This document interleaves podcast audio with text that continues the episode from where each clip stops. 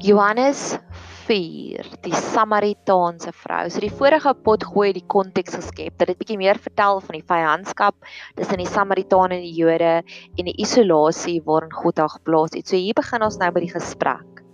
In die gesprek begin waar Jesus het vir eers in die vorige vragies gevra asseblief gee vir my 'n bietjie water en ons gaan nou lees van vers 9 af. En die Samaritaanse vrou sê vir hom: "Hoe is dit dat u wat 'n Jood is van my vra om te drink terwyl ek 'n Samaritaanse vrou is? Want die Jode hou geen gemeenskap met die Samaritane nie."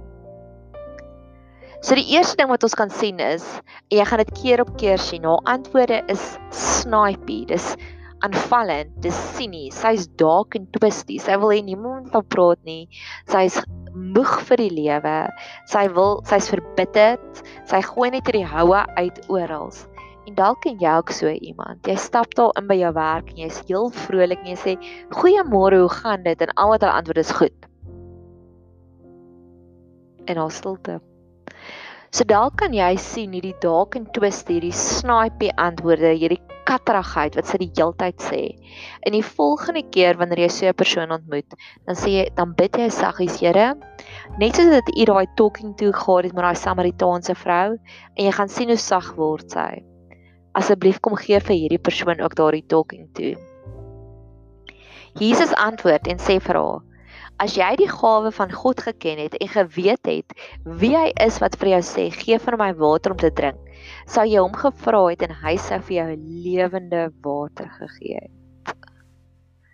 So die lewende water, ja, ons weet hierdie is 'n geestelike ding nou, want ons het hindsight en ons ken die hele storie, ons het hom al soveel keer gehoor. Maar op daai stadium, die eerste keer wanneer sy hierdie konsep lewende water gehoor het, Jesus wat dit beteken, dis die beter tipe van water. Sy het ges, sy het gekom na hierdie put toe, so dis stagnante water, dis water wat hulle diep moes grawe om by uit te kom. So dis water wat moeilik is om by uit te kom. Ek dink iewers staan hy van die diep put wat hulle moes gegrawe het. Later aan kom dit wat hy sê wat sy sê maar dis 'n baie diep put. So met ander woorde en die put is diep in vers 11. Hoe dieper die put is, met ander woorde dit sê vir ons hoe moeiliker was dit om by hierdie water uit te kom. So dis nie net 'n vlak put nie. Dis nie net 'n dag se grawe en woep staan jy water nie. Nee, Jakob moes baie diep gegrawe het. Hy moes baie hard gewerk het.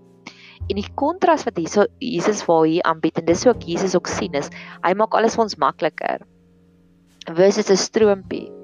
'n Stroompie hoef niemand voor te grawe nie. Die stroompie kom maar net natuurlik. En dit is makliker om water daarin te skep. Want jy sit net jou waterbotteltjie daarin en woep, daar's hy vol water. Waar diep put, moet jy diep ingaan en dan en iemand moet hom onderhou en iemand moet hom skoon hou en dis harde werk. So Jesus kom en hy sê vir haar, weet jy wat, ek wil eintlik vir iets makliker gee. Ek het jou wel gevra, maar eintlik het ek iets makliker en beter.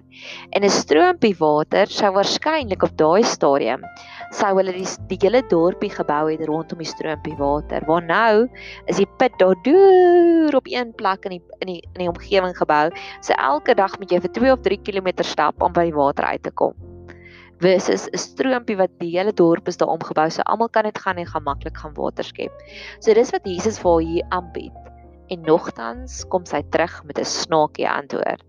Die vrou sê vir hom: "Here, jy het nie eers 'n skepting nie en die put is baie diep. Waarvandaan kry jy dan die lewende water?" So sy snaakie weer met hom. Sy sê vir hom: "Waar gaan jy dit kry? Is jy dom? Dink jy ek is dom dat ek dit sal glo?"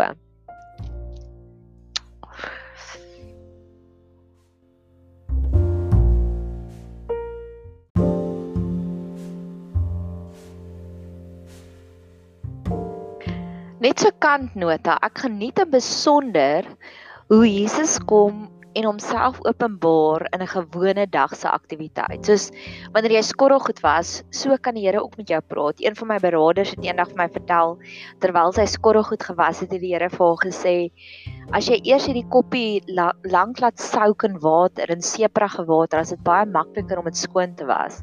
En so sê sy jy moet ook opgesouk wees in God se woord en in God se Heilige Gees sodat dit makliker is vir God om jou te kom reinig, om te kom skoonmaak.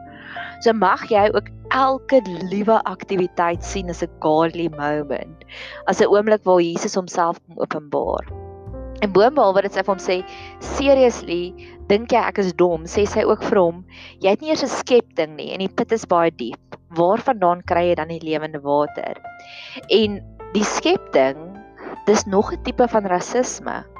Want die Samaritane het nie dieselfde koppies borde en messe en vurke gebruik as wat die Jode gebruik nie. En die Jode het nie dieselfde koppies borde en messe en vurke gebruik as wat die Samaritane gebruik het nie. Hulle het hulle eie goed gehad. Klink dit bekend? Verskillende borde vir verskillende rasse, verskillende messe en vurke vir verskillende rasse. En nog iets oor die lewende water. Ons praat die hele tyd van daar's 'n put wat moeilik is om by te kom en lewende water wat maklik is om by te kom. 'n put met water is jy met ver uitloop en ek glo die verskil met 'n godsdienstige mens en 'n mens wat ingeplag is in die Heilige Gees. 'n Godsdienstige mens is die mens wat uit moet gaan na die put toe en hy kan net sy voeding kry as hy ver geloop het en hard gewerk het versus iemand wat 'n ware anointing op het, het al klaar het pype in sy huis. Hy kan die hele tyd het hy akses tot water, het hy toegang tot water. So mag God ook asseblief vir ons daardie loodgieterswerk in ons lewe kom doen dat ons die heeltyd ingetap kan wees in die Heilige Gees. Ons hoef nie net vroeg in die oggend en laat in die middag ver te loop na 'n put met water te nie. Nee, ons is die heeltyd ingeplak. Vers 12. U is tog nie groter as ons vader Jakob nie, wat die put aan ons gegee het en self daaruit gedrink het en sy seuns en sy vee. Hoor weer eens hoe snaakie is hy. Hy sê Man, wie's jy nou? Wie dink jy is jy? Jakob is die beste en hy is die coolste en hoe kan jy jouself nou vergelyk om te sê jy's beter as hy? Sy Jakob weer af. Dis die tweede keer wat sy regtig vir sinies, snippy, dark en twisty en verbitterd is. Maar nogtans bly Jesus so mooi met haar. Ag. Oh. Mag ons dit ook kry. Mag ons sommer daarvoor ook bid. Dis Here, ons weet ons gaan snaakie mense kry. Ons weet ons gaan snippie mense kry. Ons weet ons gaan dalk en twisty mense kry. Ons weet ons gaan verbitterde mense kry. Mag gee ons asseblief daai wysheid van Jesus dat ons kan weet hoe om hulle ook te adresseer. En Jesus antwoord daar heel koel en kalm. Elkeen wat van hierdie water drink, sal weer dors kry. So eintlik kan jy daai water kan jy uitvee uit jou Bybel uit en sê elkeen wat van enige iets materialisties drink sal weer dors kry. Wat is jou water? Wat is jou put? Ons kan daai speletjie speel as ek maar net, as ek maar net toe jy kind was, het jy gekyk na jou tienerboeties en sissies en gedink as ek maar net 'n tiener was, dan sou my lewe makliker gewees het. Toe jy tiener was, het jy gekyk na die studente en gedink as ek maar net 'n student was, sou my lewe makliker wees. Toe jy student was, het jy gedink as ek maar net 'n werk kan kry, dan sal my lewe beter wees. Toe jy gewerk gekry het, dink jy as ek maar net my troumaat kan kry, dan sal ek gelukkig wees. Toe jy getroud is, dink jy as ek maar net 'n kind het, sal ek gelukkig wees deur die kind het dink jy ag as ek maar net genoeg geld gehad het om vir die kind alles te koop dan sal ek gelukkig wees.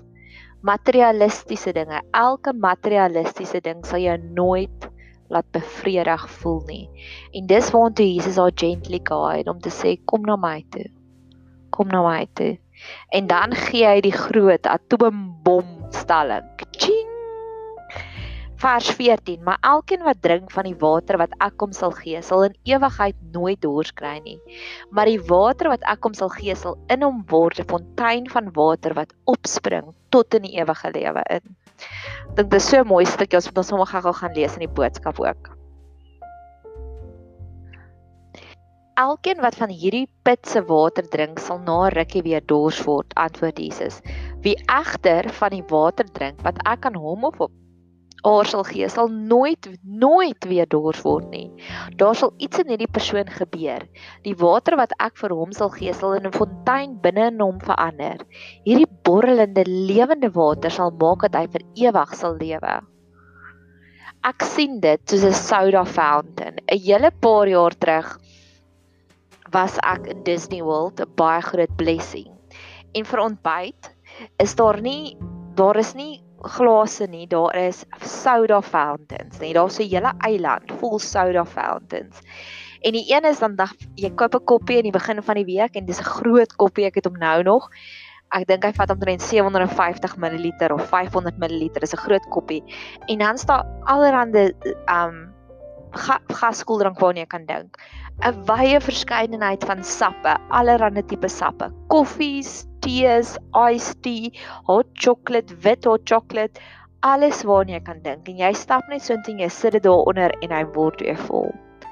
En ek glo dis daardie switch wat die Here vir ons wil kom maak. Hy wil ons kom verander in hierdie soda fountain. En die enigste manier hoe ons daai verandering kan gee, maar ek dink nie 'n soda fountain word dooi dors nie. Hy die hele tyd goed wat deur hom gaan. Die enigste manier is is wanneer ons regtig waar in God se arms in hardloop en sê Here, ek is dors. Here, ek het hierdie behoefte. Ek het 'n paar weke terug het ek 'n pot gooi gemaak oor muse wat ek gesê het ek het 'n muse nodig. Nou 'n muse is iets of iemand wat jou inspireer om baie kunstig te wees. En een van my muses het bietjie droog geword, het bietjie woestyn geword. Dis ek gee dit is regtig nou vir my sleg want ek voel Hy was 'n groot bron van my inspirasie. Ek en hy sou sulke intellektuele filosofiese gesprekke gehad het en dit sou my gaan aanpoor het om nog meer navorsing te doen. Daai navorsing sou gemaak het dat ek nog meer podcasts wil maak en met nog meer mense wil praat daaroor en sê, "Wat dink jy hiervan?" En toe die persoon het gaan kwegkruip in sy grot. En vandat ek dit vir die Here gegee het, gee hy nou my inspirasie vir my. Ek kan nie vir jou sê hoe lekker is dit vir my om met die Johannes Bybelstudie te doen nie. So ja, dis 'n fontein. Dis waar ek na die Here toe gegaan het met 'n gebed om te sê, Here, dis vir my sleg en hy het nou my muse geword. Die Here is nou my muse. So mag ons met alles in ons lewe so inhardloop in sy arms in. Vers 15. Die Here, die vrou sê vir hom, Here, gee my daardie water sodat ek nie dors kan kry en hier nie hoef te kom skep nie en daar raak sy vulnerable en sy sê nie hier hoef te kom skep nie. Want eintlik wat sy sê en um die Here kon haar gedagtes lees. Jesus kon haar gedagtes lees om te sê, "Sjoe, Jesus, dis regtig vir my so sleg om hier in hierdie gemeenskap te wees. Ek het 'n reputasie en almal gee vir my vieslike opinies en almal kritiseer my en vat dok kindertjies weg. Ek voel ja, soos die ek weet dan die Grinch dat stal Christmas die oomblik as ek hier loop. Ek voel soos 'n aaklige monster. Ek voel soos Godzilla. En um en wat sy daarvan sê is we want more. Ek wil die, ek wil die loodgieter werk in my huis. En so terloops ek hier 'n tuin woonstel en terwyl ek besig is met hierdie potgooi reeks oor die water werk hulle iewers aan ons water en ons het nie water in die huis nie. Dis nogals heel bevallig. Ja. En in elk geval, so dis vers 15 wat sy sy's vulnerable en sy sê I want that. Sign me up. Waar kan ek die like button druk? Waar kan ek druk follow me? Waar kan ek dit druk dat ek hier kan volg? en Jesus verander sy modus operandi. En hy sê vir haar gaan roep jou man en kom hier. En dit is so mooi. Jesus gaan direk na die wortel van die probleem toe. Dis so mooi. Jesus kan presies sien waar is die wortel van die probleem en hy besef maar sy's eintlik soekend na liefde. En hy hy sê vir haar gaan roep jou man en kom hier. Die vrou antwoord en sê ek het nie 'n man nie. Jesus sê vir haar jy het reg gesê. Ek het nie 'n man nie want jy het 5 mans gehad en die een wat jy nou het is nie 'n man nie. Dit het jy met waarheid gesê. So, God skep jou nood. God wys vir jou waar is jou nood. Hy wys dit vir jou en hy sê vir jou kom na my toe. So mag ons sensitief wees wanneer daar nood is in ons lewe dat ons God se prompting volg. Ek glo baie keer sê hy face your demons. Daar is baie keer tye reg wat ons reg is om ons demons te veg. So mag ons sensitief genoeg wees vir daardie vir daardie prompting van die Heilige Gees. Dit wat Jesus nou hier vir gegee het. En ek wil gaga het ek 'n kant storie wat ek hierop wil vertel. ons staan in bediening en ons het een gas gehad wat nou onlangs by ons gekuier het. En la en nadat sy uitgeboek het, probeer ons regtig vir om 'n intieme verhouding met die gaste te hou. Wat ons wil sê, hoe gaan dit vandag? Wat is nuus in jou lewe? En op so een van hierdie stadiums 'n week of twee nadat sy um huis toe is, toe sê sy vir my sy sukkel verskriklik met vrees. En ek leer haar toe nou ek sê vir haar goed doen geestelike oorlogsvoering teen dit. En jy kan sommer hierdie twee stukkies gaan memoriseer. En ek sê vir haar in hierdie een stukkie is 1 Johannes 4 vers 18 want daar's geen vrees in volmaakte liefde nie want die volmaakte liefde dryf die vrees na buitekant toe.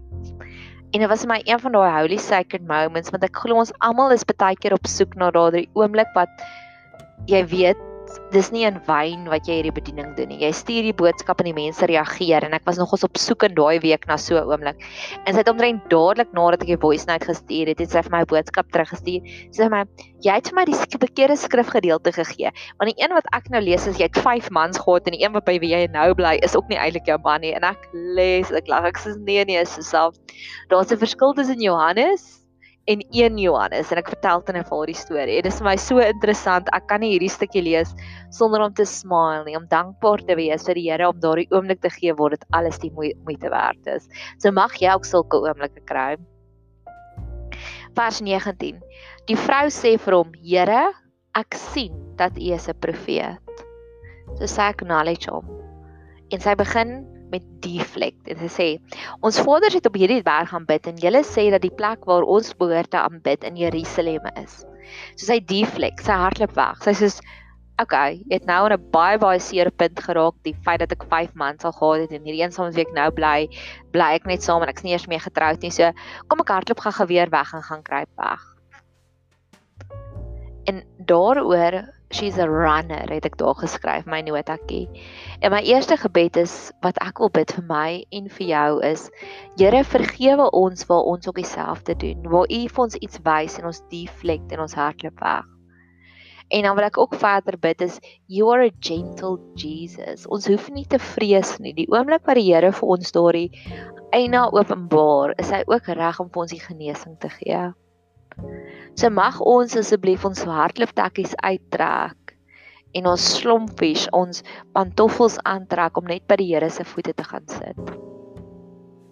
So dit was my eerste gedagte, dalk het sy gedeflect. Maar my tweede gedagte en dis dan nou waar ek dan nou by 'n holy sacred moment uitkom.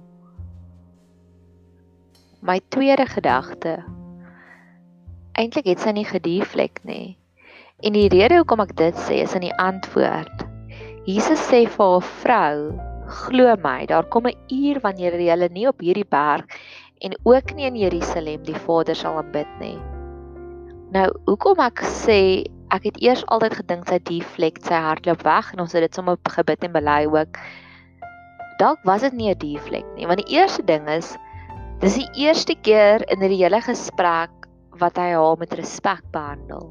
Daai titel vrou is soos mevrou en ek het ver oggend gaan stap, stap my huis op van voor af en toe sê ek vir hallo, sê hallo missies. Jy weet dis is daai tipe van respek wat Jesus vir haar daar gee om te sê mevrou, jy's reg. Nou kom 'n tyd en 'n uur. So die feit dat Jesus sy modus operandi verander het, want van tevore was dit net soos gee my, gee my, gee my dit dit dit dit dit dit, dit word wakker, dis wie ek is en ewe skielik is hy gentle en hy hanteer hom met respek en hy sê vrou, daar kom 'n tyd. En dalk was dit deflect, ek weet nie. Of dalk was dit laat sy verander het, laat haar beginsels haar prioriteite verdiep het. Dis waarna ek ook dink. Ek het nou onlangs deur Eat Pray Love gelees. En in Eat Pray Love vertel sy die storie wat sy sê daar um sy drie sy kan sy kan met die medicine man 'n gesprek hê. En sy vra vir haarself die vraag af wat gaan ek vir hierdie medicine man wat soveel wysheid het, wat gaan ek vir hom vra? En dan vertel sy die eie uit die ander storie van 'n vriendin wat 'n sielkundige was en toe sy na genocide met sy ingaan en die mense terapie gee en sy sê en die vriendin was so gefrustreerd want alwaaroor die mense wou praat is van hulle boyfriends en hulle mans en oor verhoudings en Elizabeth Gilbert het besluit as sy die medicine man gaan ontmoet gaan sy vir hom vra om die heeltyd God se teenwoordigheid te vra en dalk is dit wat hierdie vrou gevra het om te sê ek wil meer in aanbidding gaan, maar ek weet nie waar nie. Leer my meer van Jesus. En ek glo dis hoekom Jesus ook sagter geantwoord het en waar geantwoord het met die titel van mevrou. Kom ek vertel jou meer.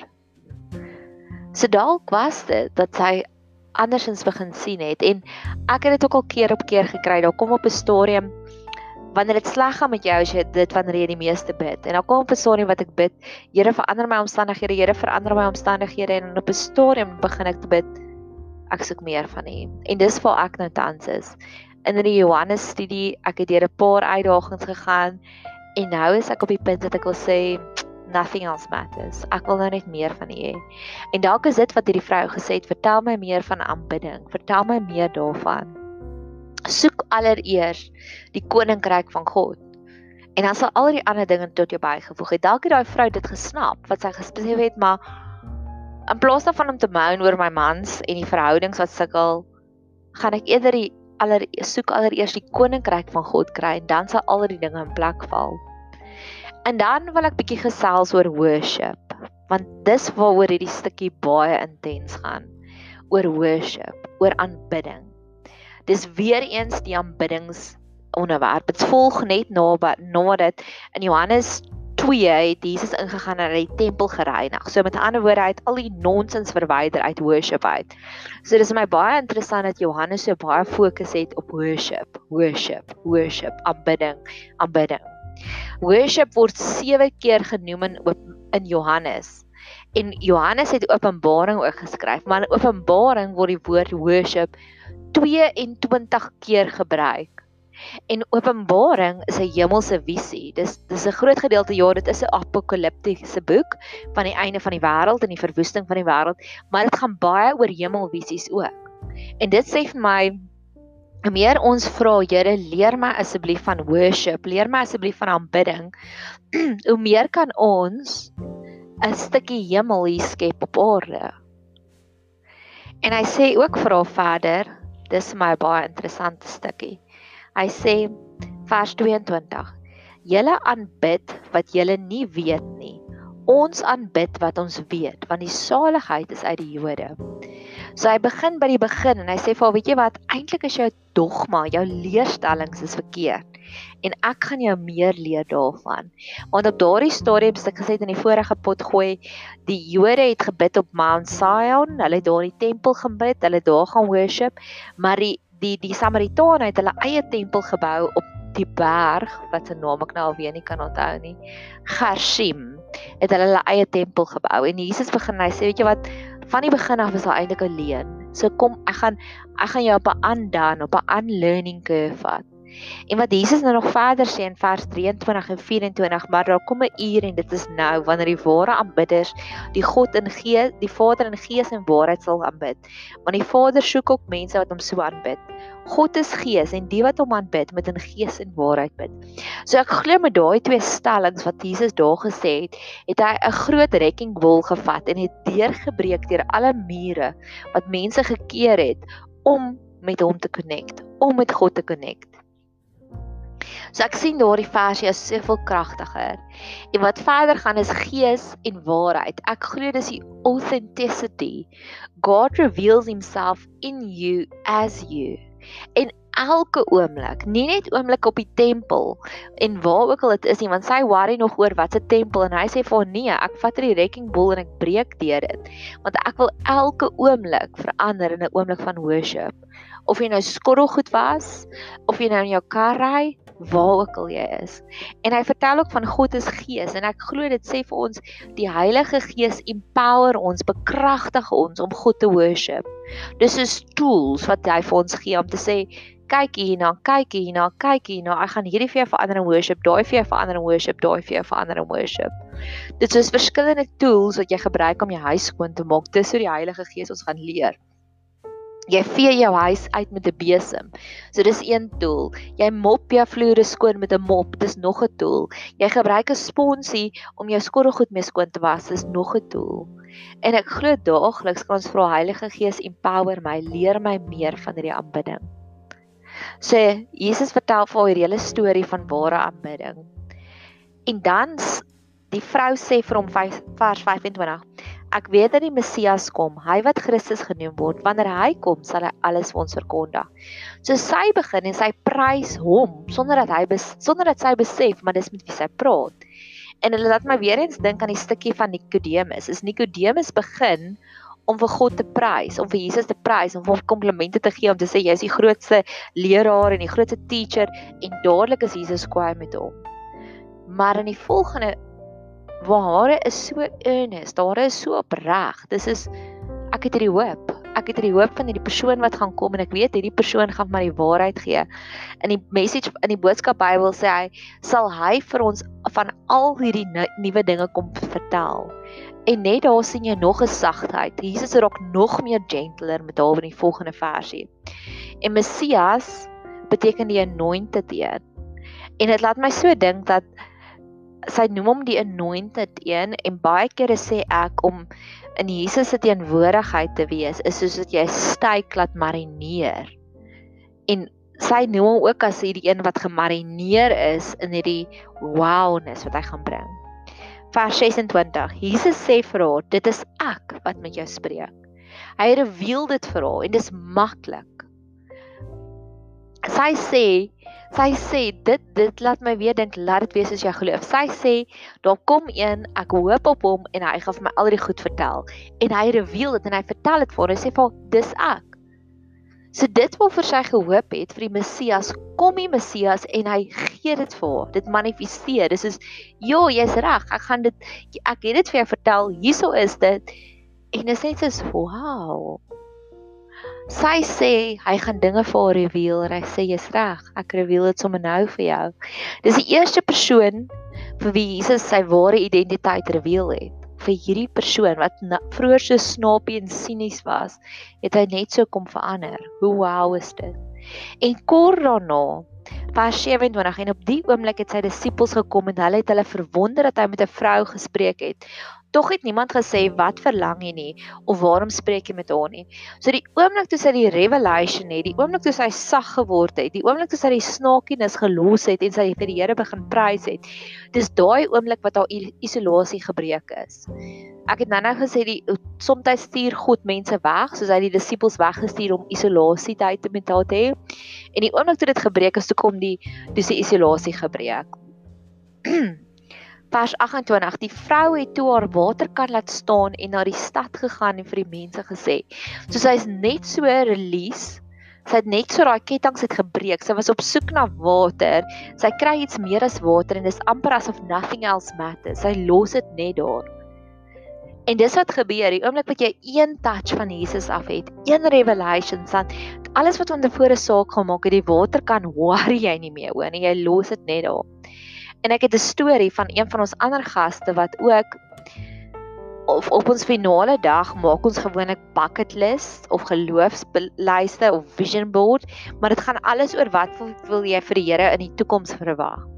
En die Vrydagoggend voordat ek haar gaan vra gaan bedien het, stuur ek vir haar WhatsApp en ek sê vir haar dis waaroor waarmee ek en jy gaan werk. So dink so lank, waarvoor wil jy die Here vertrou en dan gaan ons die vision boards kom maak nou-nou.